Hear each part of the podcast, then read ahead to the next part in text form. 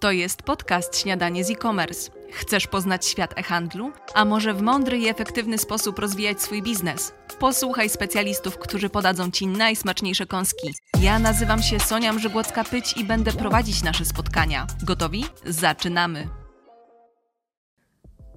Dzień dobry Państwu. Bardzo cieszymy się, że są Państwo z nami w drugim sezonie Śniadania z e-commerce.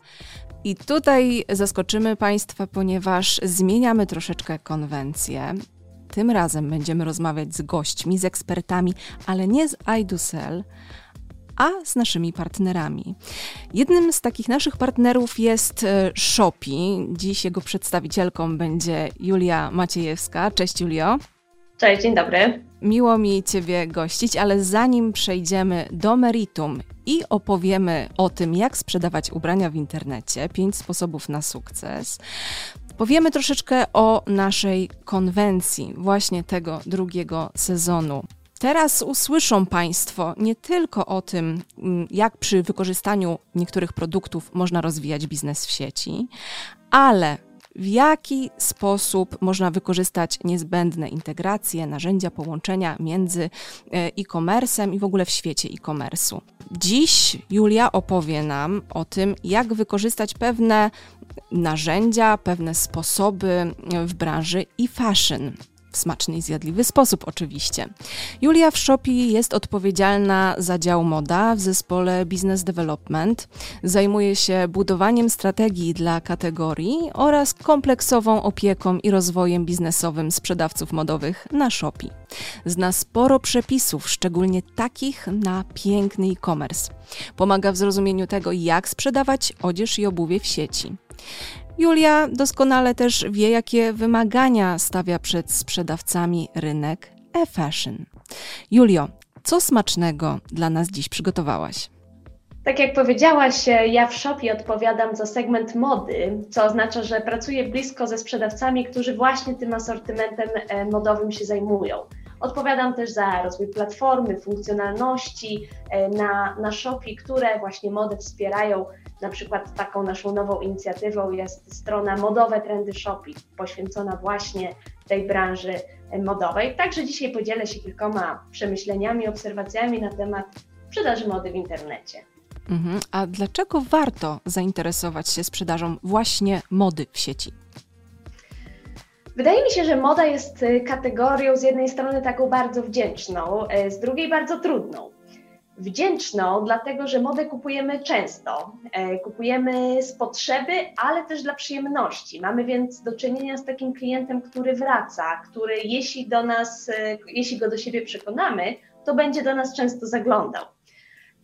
Z prozaicznego powodu, bo nowe spodnie czy buty kupujemy jednak zdecydowanie częściej niż, e, dajmy na to, telewizor czy suszarkę do włosów, ale też, bo moda to oczywiście sposób wyrażenia siebie, swego rodzaju e, taka wizytówka, poczucie komfortu, dlatego też ten klient będzie wracał do nas e, w poszukiwaniu inspiracji, w poszukiwaniu trendów. Trudna jest jednak dlatego, bo w dużej mierze nie jest kategorią pierwszej potrzeby. Jest zatem dużo bardziej wrażliwa na e, zmiany sytuacji makroekonomicznej. Wcześniej była to pandemia, teraz wojna, wysoka inflacja. We wszystkich tego typu sytuacjach decyzje zakupowe dla wszystkich kategorii niepriorytetowych są zazwyczaj odsunięte gdzieś na drugi plan, na później. Warto też wspomnieć, że moda jest taką kategorią longtailową, jak, e, jak my to w Shopie określamy, co dosłownie można by przetłumaczyć na taką mający długi ogon.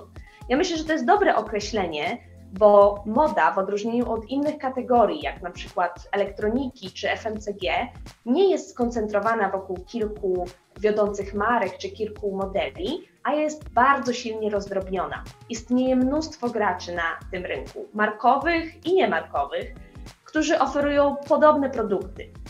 Jeśli upatrzyłam sobie konkretny smartfon, niechętnie się, sięgnę po inny, bo ten ma parametry, jakich szukam, mieści się w budżecie, jaki sobie założyłam.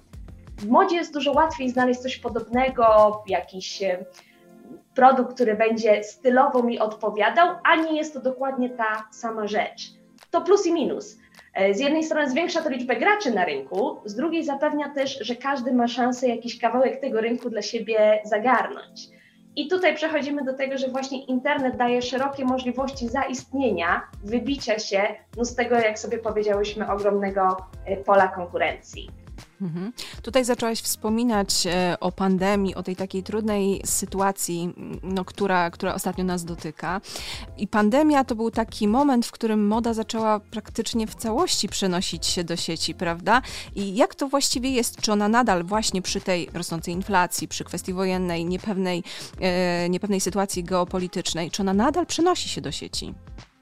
Jak najbardziej. Moda tak naprawdę jest jedną z najszybciej rosnących kategorii w e-commerce. Co prawda to tempo wzrostu zaczyna nieco spowalniać, bo właśnie po takim początkowym wzroście, po początkowym takim skoku, teraz to tempo się wypłaszcza nieco, niemniej wciąż pozostaje jedną z najszybciej rosnących kategorii w e-commerce, któremu też e, mimo wszystko długoterminowo no, prognozuje się taką rosnącą trajektorię tutaj, jeśli chodzi o, o całość, w tym też jakby właśnie rosnący udział e, marketplace'ów takich jak Shopee. Mhm. A z czym właściwie to się je? Może tak to nazwijmy. Chodzi mi oczywiście o sprzedaż ubrań w internecie. Jak się przygotować do takiej skutecznej sprzedaży? Mhm. No, to jest, to jest szerokie pytanie. Nie wiem, czy tutaj istnieje taki jeden przepis na sukces, ale skupiając się na kilku takich najważniejszych czynnikach z punktu widzenia, e, może powiedzmy, bardziej strategicznego. Wydaje mi się, że jest kilka takich punktów. Po pierwsze, jest to dobre określenie grupy docelowej, czyli dla kogo mój produkt, dla kogo ten mój modowy produkt jest, a dla kogo nie jest. Moda jest kategorią produktową, sprzedażową bardzo szeroką, bo ona obejmuje zarówno taką modę użytkową, która zaczyna się nawet na najprostszych skarpetkach, które możemy kupić w supermarkecie czy drogerii, a kończy się na modzie takiej haute couture y, z największych domów mody, gdzie mówimy już nawet bardziej o sztuce aniżeli o modzie. Pomijając jednak y, powiedzmy tą ostatnią i zostając w obrębie takiej mody prêt-à-porter, mody codziennej, użytkowej, ten długi ogon, o którym wcześniej sobie powiedziałyśmy, sprawia, że właśnie jest tutaj szereg e, przedziałów cenowych, szereg przedziałów też takiej, od takiej mody powiedzmy bardzo basicowej do skupionej na trendach. Dlatego kluczowe jest określenie, kim jest nasz klient, jaki jest jego typ, jaki jest jego wiek, styl życia, geografia, a najczęściej jednak też portfel bo od tego będzie zależało, do kogo my tą ofertę kierujemy, a do kogo jej nie kierujemy. I tutaj trzeba pogodzić się z tym, że nasz produkt e, nie będzie dla wszystkich, że kupujący modę mają te swoje e, preferencje, czy cenowe, czy właśnie e, stylowe, czy jakościowe, mm, dlatego nasz produkt nie będzie uniwersalny i to jest częsty błąd, który u sprzedawców obserwuję, że właśnie nie mają tej jasno zdefiniowanej grupy docelowej, nie mają tego jasnego fokusu, tylko starają się trochę zadowolić wszystkich, a no wydaje mi się, że tego po prostu nie da się zrobić. Z tego wynika też e, drugi punkt, czyli trochę określenie, z kim chcemy konkurować. Czy z innymi sprzedawcami w ramach marketplace'ów, czy z tak zwanymi własnymi dotcomami, czyli własnymi niezależnymi sklepami internetowymi, czy może w ogóle z kanałem offline'owym. Czy konkurujemy z markami, czy konkurujemy z produktami tak zwanymi no-name. Ale też czym chcemy konkurować? Czy bardziej ceną, czy jakością, czy stylistyką i podążaniem za trendami, Wbrew pozorom, mimo że mówimy o modzie, czyli no tutaj narzuca się nam właśnie styl, wygląd, to jednak wciąż dla ponad 70% kupujących modę, mówimy tu oczywiście o przeciętnych Polakach i o tej modzie użytkowej, cena jest zdecydowanie najważniejszym e, czynnikiem decyzyjnym. Co oczywiście nie oznacza, że jedynym, ale właśnie decyzję o wejściu w daną półkę cenową i marżową trzeba podjąć bardzo świadomie i z dobrym zrozumieniem, dla kogo ten nasz produkt jest, kto tą naszą modę będzie nosił.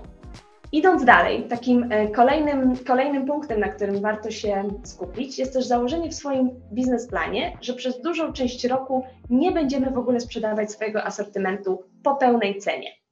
Moda chyba najbardziej ze wszystkich kategorii e, rządzi się takim prawem sezonowych wyprzedaży. Wyprzedaże zimowe, letnie, coraz bardziej popularne takie um, śródsezonowe, tak zwane mid-season sales. Do tego dochodzą wyprzedaże ogólne, typu Black Friday, Boże Narodzenie, e, okazje w stylu Dzień Matki, walentynki. Mogłabym długo wymieniać, ale to wszystko pokazuje, że tak naprawdę okresy bez wyprzedaży w ciągu roku bardzo się kurczą i trzeba mieć to wkalkulowane w swój model sprzedażowy, w swój plan. Niemniej warto też pamiętać, że no właśnie ta wyprzedaż to jest czynnik decyzyjny dla kupujących bardzo często. Ponad połowa osób deklaruje, że to właśnie okazja, promocja, wyprzedaż była tym pierwotnym czynnikiem, e, który spowodował o decyzji zakupowej, bardziej nawet niż e, potrzeba faktyczna posiadania danego produktu. No więc to też otwiera nam furtkę dla sprzedawców modowych. Kolejny punkt dotyczy bardziej takiej operacyjnej kwestii, ale szalenie istotnej i to też właśnie w internecie obserwujemy, że e, jest no, bardzo ważne dla kupujących, to są zwroty. I założenie takiego buforu w naszym właśnie tu modelu biznesowym, że tych zwrotów w modzie może być nawet 20-30%. To oczywiście generuje dla sprzedawców koszty logistyczne, operacyjne związane z obsługą zwrotu, ale równocześnie dla dzisiejszego klienta, dla dzisiejszego konsumenta taki bezproblemowy i najlepiej bezpłatny zwrot to już jest standard. Już pomijam nawet kwestię prawną, która gwarantuje właśnie możliwość odstąpienia od y, umowy zawartej na odległość, ale no też jest to po prostu pewien standard rynkowy, którego klienci dzisiaj oczekują. Zatem wdrożenie tych rozwiązań umożliwiających y, bezproblemowe zwroty, no to jest taki absolutny, konieczny element dla właśnie bycia w internecie. I tutaj po pierwsze właśnie sprzedawcy muszą mieć to wkalkulowane gdzieś swój model, a po drugie też takie e, rozwiązania zapewnić. Tutaj można sięgnąć po rozwiązania, które e, no na przykład marketplace takie jak Shopee już gotowe mm, sprzedawcom oferują. No i wreszcie, ostatni chyba punkt taki, który sobie tutaj wylistowałam, to, że w modzie trzeba być elastycznym na nadchodzący sezon można się wbrew pozorom całkiem nieźle przygotować wcześniej. Tak, wiemy jaka będzie pogoda za kilka miesięcy, wiemy mniej więcej jakie są e, panujące trendy. Wymaga to elastyczności, ale takiej liczonej bardziej w miesiącach aniżeli w dniach. Niemniej e, w sprzedaży mody, zwłaszcza w internecie, często wygra ten, kto potrafi szybko odpowiedzieć na taki bardziej chwilowy, niespodziewany trend. Bo jakaś gwiazda coś założyła na czerwonym dywanie, bo dana influencerka zrobiła furorę w jakiejś stylizacji i gazety się o tym rozpisują, albo bo na TikToku panuje jakiś viralowy trend. Zwłaszcza to ostatnie widzimy, jak bardzo mocno wpływa na to, czego klienci wyszukują na naszej platformie. Zatem ten sprzedawca, ta marka, która będzie w stanie szybko odpowiedzieć na taki chwilowy, punktowy trend, zaproponować coś nowego lub y, stworzyć dedykowaną promocję, to ma dużą szansę właśnie w internecie wygrać. Mhm. Tutaj na samym początku tych wspaniałych punktów zaczęłaś mówić o tym, że może to nie jest przepis na sukces. Jakbyś mogła tak w kilku zdaniach podsumować, to w takim razie jaki jest przepis na sukces? Przepis na sukces myślę, że modę w internecie trzeba przede wszystkim sprzedawać świadomie. Do kogo chcemy trafić, w jakich miejscach, w jakich kanałach, e, z kim będziemy konkurować. Po drugie, modę trzeba sprzedawać konkurencyjnie. Polski klient, nie tylko modowy, e, jest klientem poszukującym, porównującym, doskonale wie, jakie są ceny w offline versus online, dlatego właśnie ta konkurencyjność będzie tutaj e, szalenie istotna. No i po trzecie, wizualnie. Modę kupujemy oczami, dlatego warto zainwestować trochę czasu w dobre zdjęcia, dobre opisy, e, tabele rozmiarów, ale też opinie kupujących, może rozwiązania w stylu live shopping, czyli zakupy na żywo, gdzie możemy prezentować swoje produkty kupującym, odpowiadać na pytanie o rozmiar, prezentować stylizację. To wszystko sprawi, że kupujący dużo chętniej faktycznie podejmie tą, tą decyzję, bo będzie pewny tego, że produkt, który kupuje, jest e, dobry dla niego. Mhm. Już tak powoli musimy zbliżać się do końca, bo jako, że to śniadanie z e-commerce, to zazwyczaj śniadanie no, jest dość krótkim posiłkiem, spieszy y, się rano zarówno nam, jak i Państwu. No to jakbyś mogła, Julio, odpowiedzieć na to nasze, nasze tytułowe pytanie dosłownie w kilku zdaniach. Jak sprzedawać ubrania w internecie? Pięć sposobów. Jasne. Więc po pierwsze, to jest dobre określenie grupy docelowej. Po drugie, określenie z kim i czym będziemy konkurować. Po trzecie, jest to wkalkulowanie tego, że no jednak operujemy na wyprzedażach, na tej takiej sezonowości mody. Po czwarte, bufor na zwroty, bo one są bardzo istotne w modzie. No i po piąte, elastyczność i taki wizualny aspekt. Dziękuję Ci bardzo, Julio.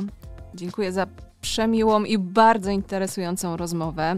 Mi podobało się bardzo. Myślę, że Państwu również. Zapraszamy do odsłuchania kolejnego odcinka. Na razie nie zdradzę, kto będzie naszym gościem. I jeszcze raz pożegnajmy się z Julią. Do usłyszenia i do zobaczenia, Julio, mam nadzieję. Dzięki serdeczne, do zobaczenia. To jest podcast Śniadanie z e-commerce. Chcesz poznać świat e-handlu? A może w mądry i efektywny sposób rozwijać swój biznes? Posłuchaj specjalistów, którzy podadzą Ci najsmaczniejsze kąski. Ja nazywam się Sonia Mrzygłocka-Pyć i będę prowadzić nasze spotkania. Gotowi? Zaczynamy!